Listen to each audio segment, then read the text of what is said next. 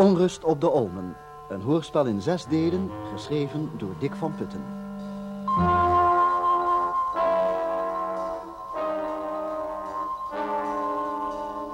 Derde deel, een avondje uit.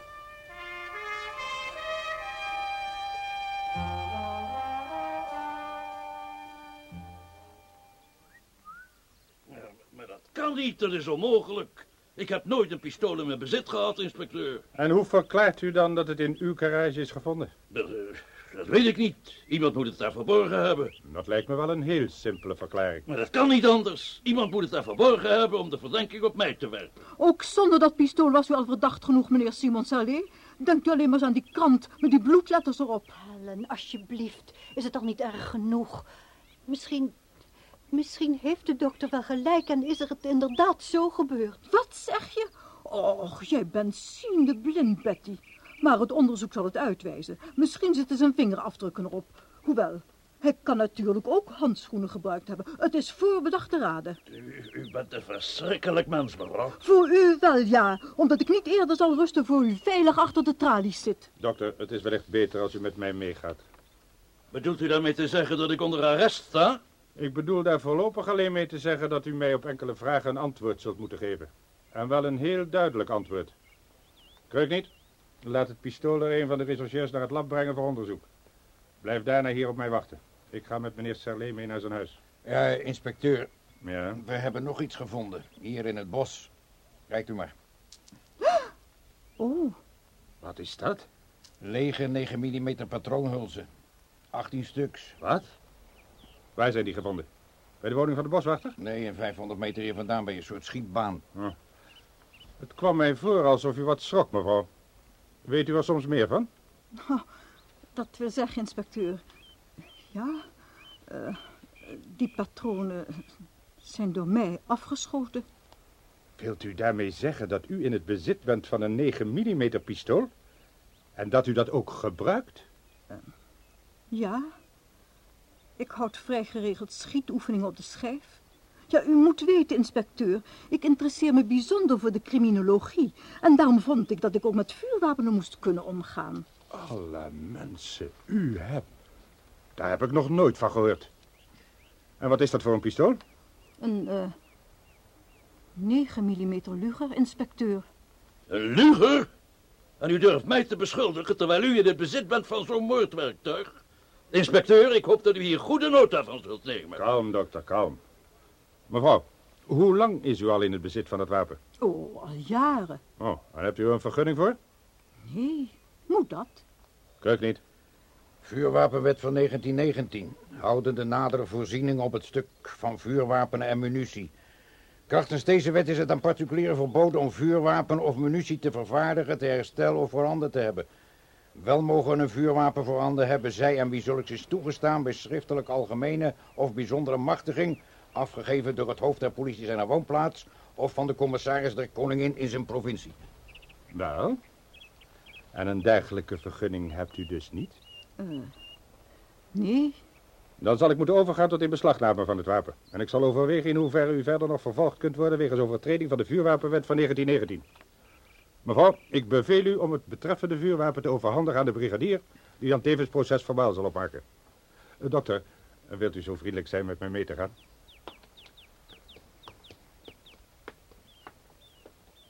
Ja, het spijt me mevrouw, maar u hebt gehoord wat de inspecteur heeft gezegd. ja. Ik zal het wapen voor u gaan halen, brigadier. Denkt u eh, dat mijn zuster er moeilijkheden door zal krijgen, brigadier? Ja, dat hangt mede af van de bui van de inspecteur, mevrouw, maar ik zal zien wat ik eraan kan doen. Kan ik u misschien van dienst zijn met een kop koffie, brigadier? Heel graag, juffrouw Toilet. Het ziet er nou uit dat ik er wel een tijd voor krijg. Als de inspecteur de dokter gaat doorzagen, gaat er wel een uurtje mee heen. Heeft het onderzoek van de politiedokter nog bijzonderheden opgeleverd, brigadier? Nee, niet veel meer dan we al wisten, meneer. Thomas is door twee pistoolschoten om het leven gebracht. Hier is het pistool, meneer Kreuk niet. Zo was uw naam toch niet waar? Ja, maar daar mag u mij niet voor verantwoordelijk stellen, mevrouw. Inderdaad, dat is ook een luger. Van een model zoals dat door de Duitsers in de oorlog werd gebruikt. En hier hebt u een doos met patronen. Twintig stuks. Goeie genade, mevrouw, het is genoeg om het hele dorp uit te roeien. Nou, Dat procesverbaal zullen we maar laten rusten tot ik mijn koffie op heb. Maar u doet het toch wel, hè? Het is het eerste procesverbaal dat ik in mijn leven krijg. Mevrouw, ik geloof dat u de ernst van de situatie onderschat. Wat bedoelt u? Maar beseft u wel dat u hierdoor op de lijst der verdachten wordt geplaatst? Meneer Kreuk niet. Ja, ik heb te veel respect voor u om u brigadier te noemen. Zou u me dat eens willen verklaren? Nou, mevrouw. Thomas is doodgeschoten door kogels uit een 9 mm pistool. U blijkt in het bezit te zijn van een dergelijk wapen. Wat gaat men dan denken? Wat men dan gaat denken? Nou, heel eenvoudig, meneer Kreuk niet. Dat men het door u gevonden pistool op vingerafdruk onderzoekt. Wat poeier eroverheen gestoven en ze komen tevoorschijn. En als ze dan identiek zijn aan die van dokter Serlet, oh, lijkt mij het bewijs overduidelijk geleverd en kan ik weer van uw lijst afgevoerd worden. Vingerafdrukken van de dokter kan ik u verschaffen op een cognacglas dat hij gisteravond heeft gebruikt. Hebt u, hebt u dat met voorbedachte raden gedaan? Maar natuurlijk, wat dacht u dan? De betekenis van vingerafdrukken behoef ik u toch niet te verklaren, is het wel? Nee, zeker niet, mevrouw.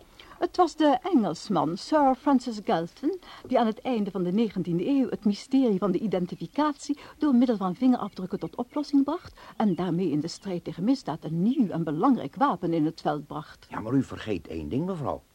En wel dat Sir Francis een studie had gebaseerd op gegevens die al eerder waren ontdekt door William J. Herschel, een Brits ambtenaar in het toenmalige India. Hij is de grote man geweest die in de eerste plaats het baanbrekend werk heeft verricht in zaken de identificatie door middel van de vingerafdruk. U hebt gelijk, meneer Kreuk niet. Ja, ik dacht dat ik met u over criminologie kon praten op het peil van de lagere school. Maar ik bespeur tot mijn vreugde dat ik kan overschakelen op universiteitsniveau. Dank u, mevrouw. Ja, en nu ik al dus kan praten, kan ik u nog een weg wijzen om mij van de verdachte lijst af te voeren, mocht de vingerafdrukken kwestie niet afdoende blijken.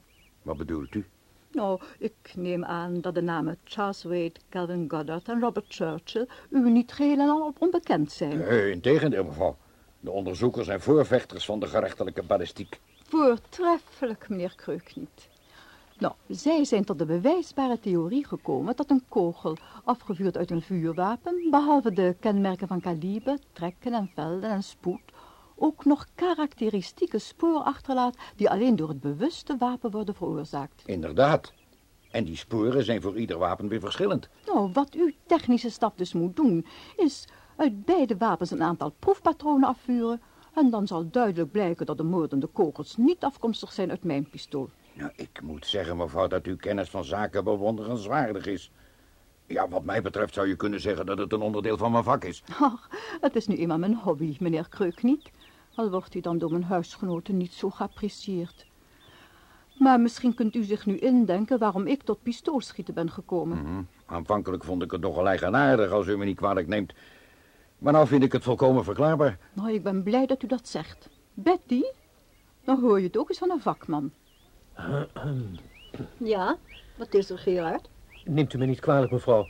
Maar er is telefoon voor de heer Volkers. Dat zal ongetwijfeld mijn directeur zijn. Wilt u mij even excuseren?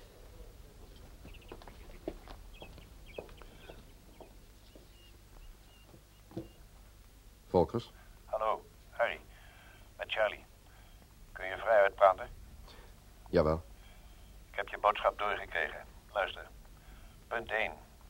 Wat die dokter Serlet betreft is er geen enkel negatief punt te vermelden. Punt 2. De personen Andries en Berger uit Groningen zijn op de camping Ruinswoude onbekend. Wat ik al dacht. Hoe ben je overigens aan die namen gekomen? Uit een agenda van de boswachter die ik in zijn zak vond. Het was zijn laatste aantekening. Misschien is het toch een spoor. Gisteravond zijn er in de Claironbar in Scheveningen twee mannen gesignaleerd. Een ervan miste de linker pink. Maar onze man is helaas uit het oog verloren. Maar eh, die man met de pink, of liever gezegd zonder pink... vertoonde enige gelijkenis met een van de foto's die je gezien hebt. Dus toch. Misschien is het niet zo gek als je zelf ook eens naar die Claironbar ging. Misschien komen ze daar terug. Ik ga er vanavond ook eens een kijkje nemen. Geen gek idee. De Clairon Scheveningen. Vanavond. Het gaat er dus wel naar uitzien dat je theorie klopt. Inderdaad.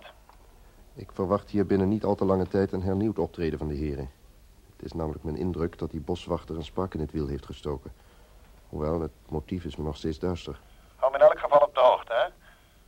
Misschien zie ik je vanavond dus nog. Dat hangt helemaal af van de omstandigheden. Goed, tot ziens.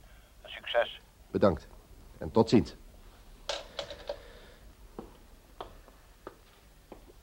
Neemt u mij niet kwalijk, meneer, maar ik heb helemaal vergeten te zeggen dat uw auto is teruggebracht. Dat doet me plezier. Wat mankeert er nu aan? Eh, weet je dat ook?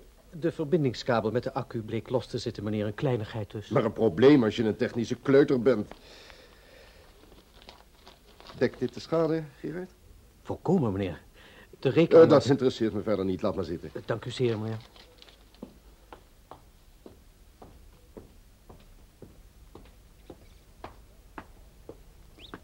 Was het je directeur, Harry? Ja, ik had hem gezegd dat ik hier te bereiken zou zijn als het nodig was. En- En het bleek nodig.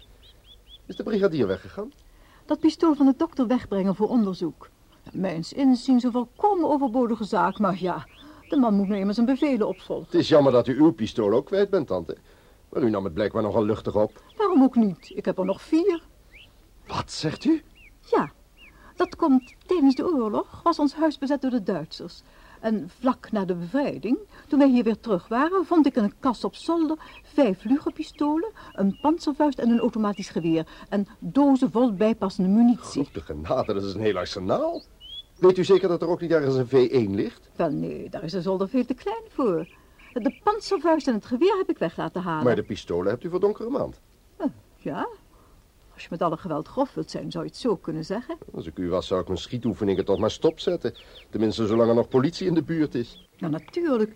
Maar ik zal toch proberen of ik via de brigadier zo'n vergunning kan krijgen. Dan ben ik van het gezeur af. Overigens, een intelligente man, vinden jullie niet? Ja, hij is wel de pinterste van de twee. Al zegt dat nog weinig, volgens uw eigen woorden. Nou ja, iedereen kan zich wel eens vergissen, Mieke. Wat zit jij stil voor je uit te kijken, Betty? Ach, ik moet maar steeds aan dokter Serlet denken. Ik kan maar niet geloven dat hij zoiets gedaan kan hebben. Ook nu nog niet, nu dat pistool bij hem is gevonden. Maar alles is zo duidelijk als wat. Ik vind trouwens wel dat die inspecteur veel tijd nodig heeft om hem te verhoren. Nou ja, Samenvattend is het dus zo, dokter, dat u gistermiddag plus minus vier uur bij de dames Terlet bent geweest. In een nogal heftig gesprek hebt u gezegd dat u zelf wel met Thomas zou afrekenen. Althans in woorden van die strekking. Ja, helaas. En u bent na dat gesprek rechtstreeks naar het huis van Thomas gegaan? Ja.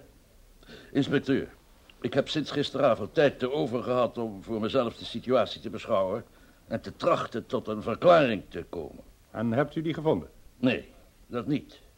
Maar u als politieman beschikt over een nuchter en helder verstand en daarop wil ik een beroep doen. Ik ben benieuwd, dokter. Nou, toen ik smiddags naar de dames ging, zou ik dus dat pistool al bij mij gehad moeten hebben. Maar als ik al plannen gehad had om eh, Thomas uit wraak te doden, dan ga ik toch niet eerst een gesprek voeren waarin ik me min of meer blootgeef, waarbij ik bedreigingen uit. Gaat u verder? Maar bovendien zou het al heel dom geweest zijn als ik daarna dat pistool onder een stapel poetslappen in mijn garage zou verbergen. Voor zo naïef ziet u me toch niet aan, hoop ik. Nee, dan, eh, dan zou ik het zorgvuldig hebben schoongemaakt, ontladen en op een plaats hebben verstopt die minder in het oog lopend was. Moet zeggen, dat klinkt alleszins aannemelijk, dokter. Maar ik moet mij aan de feiten houden. Wat niet wil zeggen dat ik uw redenering terzijde schuif. Toen u smiddags Thomas niet thuis trof, bent u naar uw eigen huis gegaan? Ja, En daar bent u gebleven tot plus minus acht uur. ja. Het is jammer dat, zoals u zegt, uw huishoudster haar vrije dag had. Er is dus niets of niemand om dat te bevestigen. Alleen mijn bereidheid om aan uw onderzoek mee te werken, inspecteur. Wat ik zeer op prijs stel. Zoals u hebt verklaard, bent u s'avonds tussen acht en half negen nogmaals naar de woning van Thomas gegaan. Ja, het juiste tijdstip weet ik niet precies. De affaire zat me toch meer dwars dan ik dacht. Maar u bent niet tot zijn huis gekomen. Nee, op enige afstand zag ik dat hij nog steeds niet thuis was. En eh, toen ben ik weer teruggegaan. Juist. Iets anders. Is uw garage altijd open? Ja, die is praktisch nooit gesloten. S'avonds zag u nog licht branden bij de dames Terlet en u besloot naar ze toe te gaan om uw excuses aan te bieden voor uw houding van smiddags. Ja, inspecteur. En, en daar vernam ik wat er met, met Thomas was gebeurd. Het was uitermate pijnlijk om de beschuldiging aan te moeten horen van die, eh, die hysterieke juffrouw. Dat wil ik graag geloven. Mooi, dokter. Dat is dan voorlopig alles. Waarschijnlijk zal ik u nog wel nodig hebben om enkele details aan te vullen. Ik mag er dus op vertrouwen dat u hier ter beschikking blijft. Daarop geef ik u meneer uw inspecteur. Welke andere houding zou in deze omstandigheden verkeerd uitgelegd kunnen worden? Heel verstandig. Ik dank u voor uw medewerking. Tot ziens, dokter. Tot ziens, inspecteur.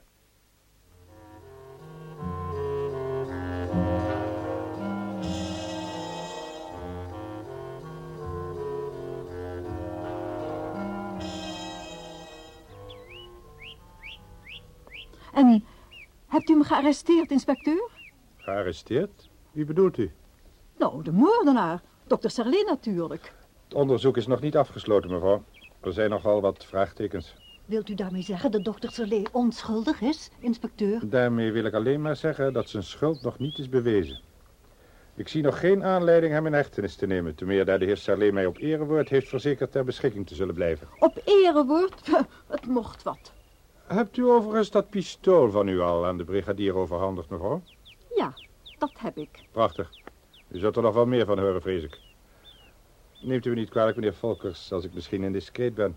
Maar had u het plan hier nog langer te blijven? Waarschijnlijk tot maandag, inspecteur. Waarom vraagt u dat? Kan ik misschien ergens iets voor u doen? Nee, dat niet, dank u. Ik vind het alleen prettig voor de dames dat ze niet alleen zijn onder deze omstandigheden. Oh ja, uh, voor ik wegga, nog een kleinigheid. In de omgeving van het huis van Thomas, naast het bospad, hebben mijn mensen een steen gevonden waarin een naam was gebeiteld. Herta. Zegt u dat misschien iets? Zeker, inspecteur. Thomas heeft een hond gehad die zo heette. Toen die is gestorven, heeft hij hem daar begraven. Oh, ik dacht al dat het zoiets was. Is daar wat bijzonders mee, inspecteur? Och, nee, dat geloof ik niet. We kregen de indruk dat er nog kort geleden was gegraven, maar dat kan hij ook zelf hebben gedaan. Het heeft in elk geval niets opgeleverd. En dan wil ik nog een enkele vraag stellen aan uw huisknecht. Mag ik weer even doorlopen? Maar natuurlijk ga uw gang, inspecteur. Dank u. Wat zeg je me daarvan? Het onderzoek is nog niet afgesloten. Er zijn nogal wat vraagtekens. Waarachter vraag ik mij af. Er is een man doodgeschoten door twee kogels. Er wordt iemand verdacht. Bij die verdachte wordt een pistool gevonden waaruit twee kogels zijn afgevuurd. En toch zijn er nog vraagtekens. Ik begrijp er niets meer van. Vreemd dat graf van Herta. Herta was dus de hond van Thomas. Ja. Oh, het was een prachtig beest. Een politiehond, perfect afgericht. Maar hij is in de oorlog doodgeschoten door een Duitser. Je moet weten, in die tijd, in de oorlog, zaten hier in huis SS'ers en... Uh, uh, ja, en verder? Er zaten hier in huis SS'ers en een ervan heeft toen Herta doodgeschoten. Ja, ik kan me nog goed herinneren dat Thomas het ons kwam vertellen. We woonden in die tijd in Bennekom. Hij was er helemaal kapot van. Dat herinner ik me ook nog wel. Al was ik toen pas een, een, jaar of tien. Maar dat het met de dood van Thomas iets te maken heeft, kan ik me nauwelijks indenken. Misschien heeft hij in een sentimentele bui het graf wat aangeharkt. Ja, dat is heel goed mogelijk. Kom, ik ga even naar mijn kamer. Ik heb nog het een en ander te doen. Heb jij ook nog plannen, Mieke? Eigenlijk niet. Hoewel ik er wel zin in heb om even uit te gaan. Nou, waarom doen jullie dat niet? Maak je mond geen zorgen. De meisjes zijn thuis en Gerard is er. Er zal heus niks gebeuren. Hm? Ga met Harry gezellig naar de stad. Tenminste, als hij er zin in heeft. Dat is helemaal geen gek idee. Ik moet trouwens toch even naar mijn flat om te kijken of er post is. Misschien kunnen we daarna ergens gaan eten. Oh, dat zou enig zijn. Vindt u het heus niet vervelend, tante? Natuurlijk niet, kindje. Ga gerust je gang. Wat afleiding zal je goed doen. Ik weet in Scheveningen een zaak waar je voortreffelijk kunt eten. Doen? Oh, ik zou het heerlijk vinden. Afgesproken. Dan ga ik nu ook even naar mijn kamer om wat op te frissen.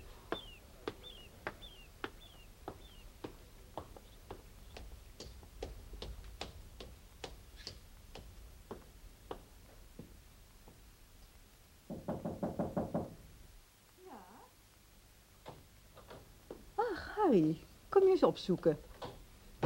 Ja, ik, uh, ik zou je iets willen vragen. En dat is? Ik, uh, ik weet eigenlijk niet goed hoe ik moet beginnen. En misschien zegt u wel dat ik er niets mee te maken heb, maar... Uh... Maar wat? Zeg het gerust. Ik vond u zo even beneden plotseling zo stil worden en dat verwonderde me. Is er soms iets? Och, ja, ach, niets bijzonders. Maar als ik ergens over wil nadenken, ga ik meestal naar mijn kamer. Hier ben ik in staat mijn gedachten te concentreren. En is het om een bepaalde reden dat u nu uw gedachten wilt concentreren? Nou, Eerlijk gezegd, ik weet het niet. Ik heb alles wat er gebeurd is nog eens de revue laten passeren. Het bezoek van dokter Salé gistermiddag, de dood van Thomas, dat gevonden pistool. Maar voor u bestaat er toch geen enkele twijfel dat dokter Serlé de moordenaar is? Nee, aanvankelijk niet. Alles leek zo duidelijk. Maar misschien heb ik mij toch te veel laten leiden door zeker antipathieke gevoelens ten opzichte van de dokter. En ja, ik geef het toe door een bepaalde zucht naar sensatie. Maar rustig nadenkend heeft de inspecteur misschien toch wel gelijk als hij zegt dat er nog vraagtekens zijn. Bijvoorbeeld? Nou, allereerst het motief. Ja, dat lijkt mij nu achteraf van te geringe betekenis om iemand daarom te doden. Ja, zelfs voor de dokter. Hij zou het alleen in een woedeuitbarsting kunnen doen. En dan zou hij dat pistool al bij zich gehad moeten hebben. En een 9 mm luger steek je niet onopgemerkt in je zak. Bovendien heeft de moord plaatsgevonden na half zeven. En kan er dus geen sprake meer zijn van een spontane woedeuitbarsting. Nee. En wat dat pistool betreft, ik ben er bijna zeker van dat het geen vingerafdrukken zal bevatten. Die zijn zorgvuldig weggeveegd, dat zal blijken. En dan rijst meteen de vraag waarom dan ook niet de loop schoongemaakt en het magazijn verwijderd of aangevuld is. En daar kan maar één reden voor zijn. De werkelijke dader wilde dat het wapen zou worden herkend als dat waarmee de moord is gepleegd, om daarmee de schuld op een ander te werpen. Tja, ja. Dus jij meent dat de dokter onschuldig is? Mijn mening doet weinig ter zake. Maar toen ik gisteravond zei, ik ben medicus. Ik heb altijd getracht mensenlevens te redden, niets te vernietigen. toen geloofde ik hem. Tja. Misschien heb je wel gelijk. Maar als hij het niet heeft gedaan, wie dan wel? Wie kan er verder een motief hebben gehad om Thomas uit de weg te ruimen? Hebt u enig idee? Ik? Waarom vraag je dat? Nou ja, u, u was zo positief in uw mening betreffende de dokter. Is er soms iets voorgevallen waardoor uw standpunt aan het wankelen is gebracht? Huh? Och, nee, niets bijzonders eigenlijk. Maar, uh, maar nu de eerste reactie voorbij is en ik gelegenheid krijg om na te denken, ben ik verschillende dingen toch wel wat anders gaan zien. Ja, ja, dat is begrijpelijk. Ik moet u overigens mijn complimenten maken voor uw formidabele kennis van de criminologie. Die heeft u toch niet alleen opgestoken van de tv en Ellery Queen, neem ik aan? Nee, ik heb heel wat documentatie en studiemateriaal tot mijn beschikking, zoals je ziet. En af en toe blader ik daar wel eens in. Ik krijg niet de indruk dat het af en toe is. Maar ik heb veel meer bewondering voor een man als brigadier Kreuk niet. Hij zou het verdienen een veel belangrijkere positie te bekleden. Ik zal toch eens zien wat ik daaraan kan doen. Ik heb nogal wat relaties bij de justitie. Het is zeker een knaap die zijn verstand weet te gebruiken. En uh, nu iets heel anders. Ik ben heel erg blij dat we je hebben leren kennen, Harry. En ik zou het prettig vinden als het contact zou blijven bestaan. En ik zou niets liever willen. Oh ja, vanavond ga ik met Mieke naar de stad. Een klein etentje en zo. Wat afleiding na al die narigheid is misschien wel goed voor haar. U vindt het toch niet erg, hè? Na al die gebeurtenissen bedoel Oh, natuurlijk niet. Ik vind het vooral prettig voor Mieke. En bij jou is ze in vertrouwde handen. Dank u. En eh, mocht u nog iets te binnen schieten naar aanleiding van het geval Thomas... dan hoop ik dat u mij daarvan op de hoogte wilt houden. Nou, dat zal ik zeker doen. Veel plezier vanavond.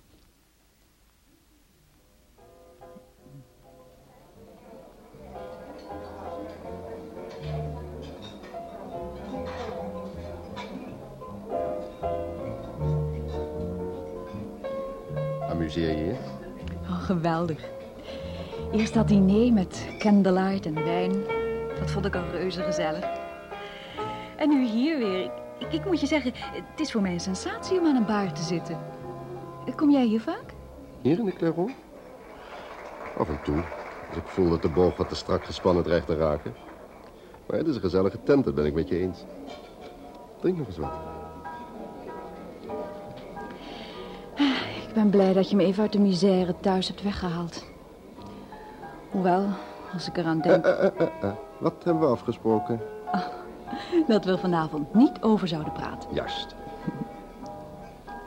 Hou jij van dansen? Oh ja, heerlijk. Goed, zullen we het proberen? Mm -hmm. Maar ik waarschuw je vooruit, ik breng er niet veel van terecht. Maar een Engelse wals durf ik nog net aan.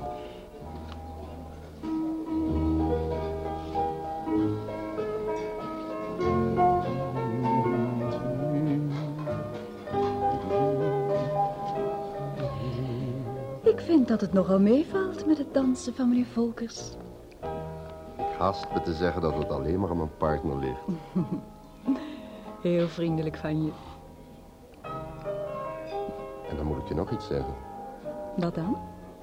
Dat ik je heel lief en charmant vind. Oh, nu moet ik oppassen. Waarom? Dat ik niet hals over kop verliefd op je word. Jij behoort tot het verleiderstype, weet je. Ben jij al vaak verliefd geweest? Doorlopend. Al vanaf de kleuterschool. En toch nooit de ideale vrouw gevonden? Jawel. Waarom ben je dan niet met haar getrouwd? Omdat zij op zoek was naar de ideale man. Daar ben ik haar dan dankbaar voor, want anders had ik deze heerlijke avond gemist.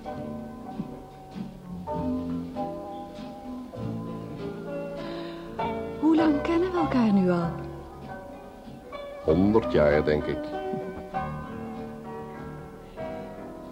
Wonderlijk dat jij autopech moest hebben en uitgerekend mij aanhield. Het is haast te toevallig om waar te zijn. Ja, zeg dat wel. Maar een gemeenplaat zegt dat de wereld van toevalligheden aan elkaar hangt. En jij? Ben jij ooit verliefd geweest? Jawel, maar meestal liep dat uit op een teleurstelling. Daar ben ik dan dankbaar voor, want anders had ik deze heerlijke avond gemist.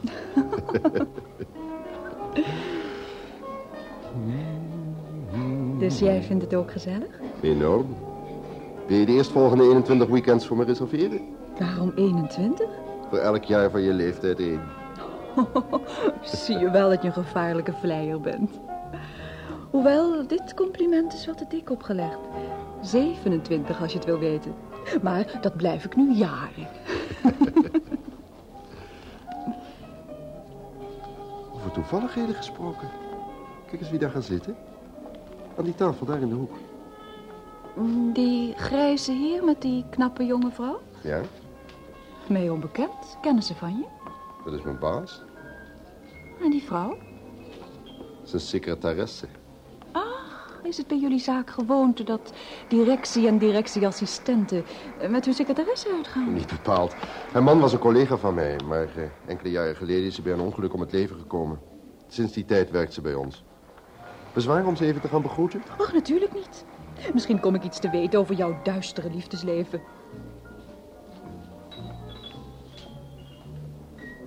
Goedenavond, meneer Lammers.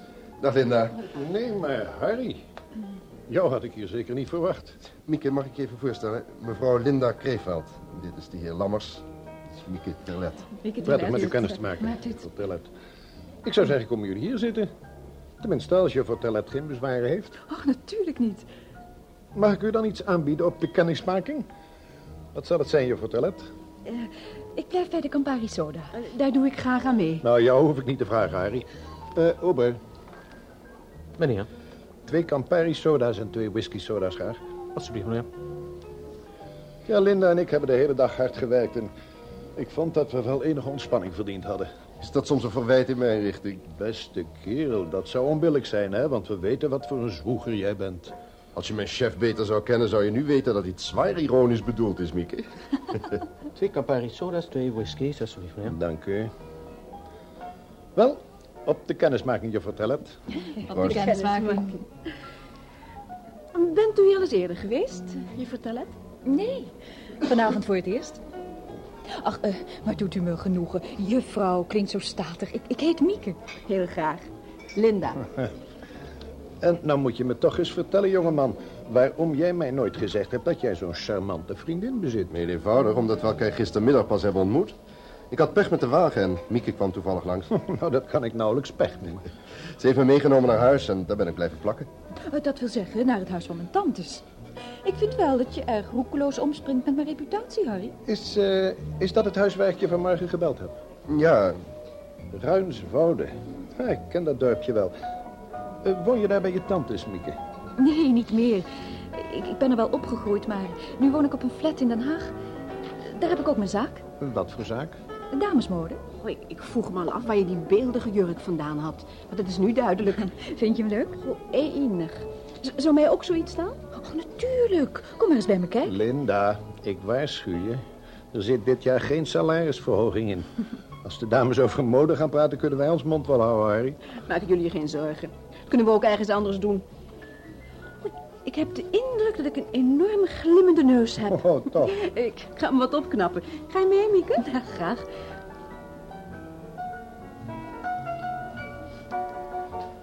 Ah, een knap meisje. Mhm, mhm.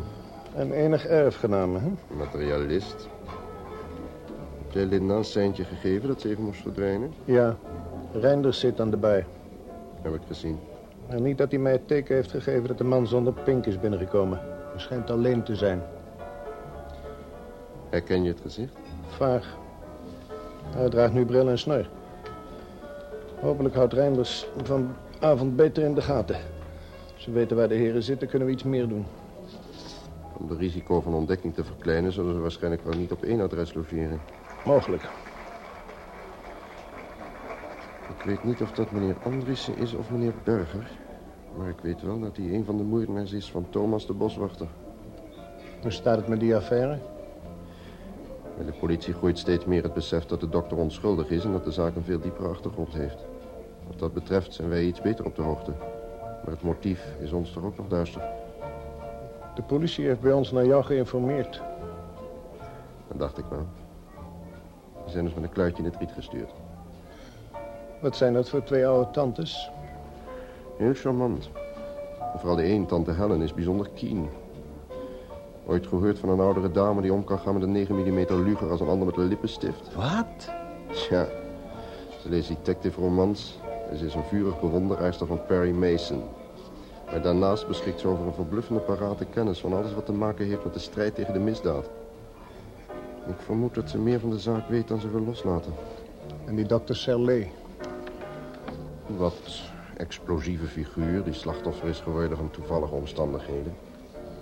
Ik had direct al door dat hij er niets mee te maken had, maar het leidde de politie van het juiste spoor en daar kon ik alleen maar voordeel van hebben. En verder? Verder zijn er nog die twee dienstmeisjes en de huisknecht. En die kunnen we rustig uitschakelen, lijkt me. Zit hij nog steeds alleen? Ja. Toch vermoed ik dat het een ontmoetingspunt is voor hem en zijn maat of maats. Het zou gunstig zijn als we de anderen ook eens konden observeren. Dat wel. Luister, Harry. Ik weet niet hoe het vanavond hier afloopt. Maar morgen zal ik je in ieder geval bellen om je te laten weten of Reinders succes heeft gehad. Het is dan wel zondag, wat ongewone dag voor een zakengesprek, maar dan moet je er maar wat op verzinnen. Mocht je mij willen bellen, dan kun je me thuis bereiken. Afgesproken. Dan gaan wij er straks van door. Ik kan hier verder toch niets uitrichten. Pas op, komen de dames weer. We hebben heerlijk over je geroddeld, Harry. Dan valt het me mee dat jullie nu al terug zijn. Later zal je me dankbaar zijn. Ik heb alleen maar aardige dingen van je gezegd. Is het niet, Mieke? Oh ja. Volgens haar ben je een soort eh, eh, moderne, barmhartige Samaritaan. Zelf wist ik dat al, maar ik ben blij dat je het nou ook eens van een ander hoort. maar zelfs barmhartige Samaritanen hebben verplichtingen. En de mijne is ervoor te zorgen dat je niet te laat thuis komt. Het is bij elf, hè? Je mag nu even aan thuis denken. Ja, je hebt gelijk. Het is heel erg jammer, want het was reuze gezellig. Nou, misschien hebben we een deze dagen wel een reden om het nog eens over te doen. En dan zijn jullie weer mijn gasten. Dank u. Dank u. Heel erg prettig met je kennis te hebben gemaakt, Mieke. Tot spoedig ziens en goede reis naar huis.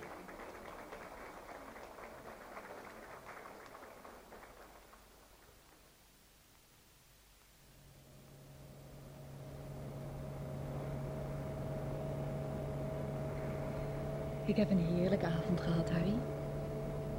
Dat doet me plezier. Dus het is voor herhaling vatbaar? Oh, ja. Een kerel zit niet zo vervelend achter met de knipperen. Je kunt er toch langs.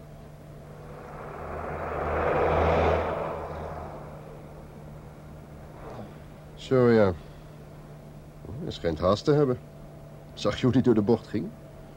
Mhm. Je baas is een erg aardige man. Op en top een gentleman. Dat zou je niet zeggen als je hem hoorde als er iets niet naar zijn zin gaat. En Linda is een schat. Ik vond het jammer dat we weg moesten. Ik ook. En met het oog op de tantes kunnen we beter niet zo laat thuiskomen. Het zal toch wel tegen twaalf lopen, eer we er zijn. Natuurlijk had je gelijk. Kijk uit, Harry. Wat is dat daar met die auto? Is dat bijna dwars over de weg? Ik kom er zo niet langs. Wat betekent dat nou?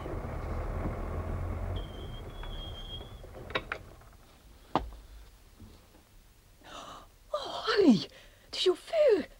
Kijk, hij ligt over zijn stuur. Zou die... Blijf jij hier, ik ga kijken wat er aan de hand is.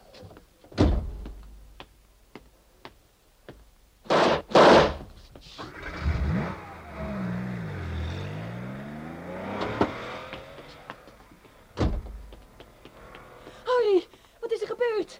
Hebben ze je geraakt? Harry, toe, zeg iets. Harry, liefste.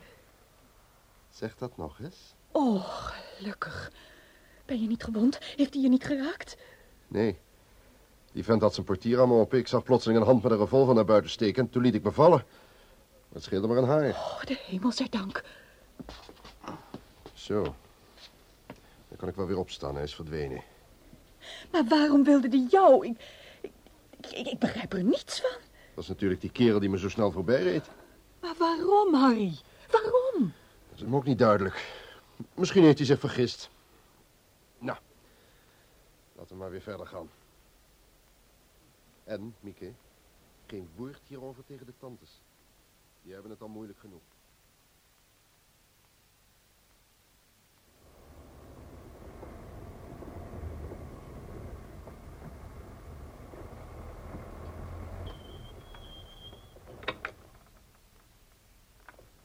Zo, we zijn er. Ga je mee? En denk eraan, probeer niets te laten merken. Ik zal mijn best doen, maar de schrik zit toch in mijn benen.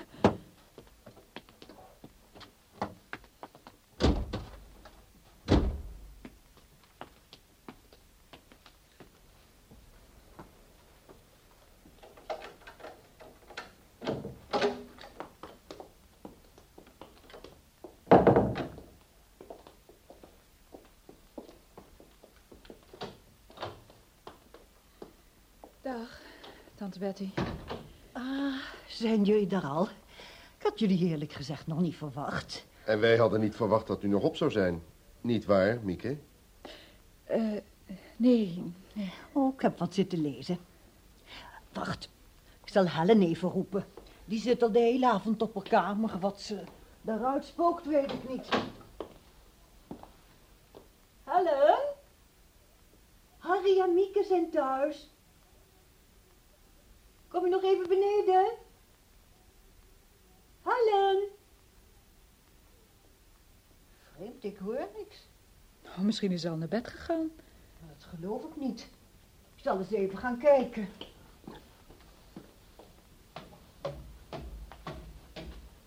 Het zou beter geweest zijn als ze allebei naar bed waren gegaan.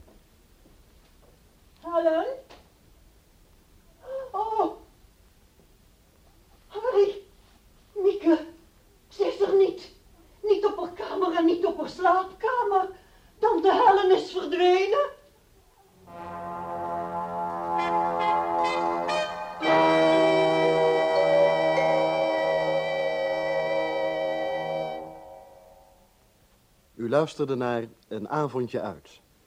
Het derde deel van Onrust op de Olmen, een hoorspel in zes delen, geschreven door Dick van Putten. U hoorde Tom van Beek als Harry Volkers, Han Keunig als zijn chef, Georgette Rejewski, tante Helen, Eva Jansen, tante Betty, Els Buitendijk, Mieke Terlet, Johan Remmels, dokter Serlé, Willy Ruys, inspecteur Visser, Bert van der Linden, brigadier Kreukniet, Feestia Rone, Linda Kreeveld en Harry Bronk als Gerard de Huisknecht. De regie had Dick van Putten.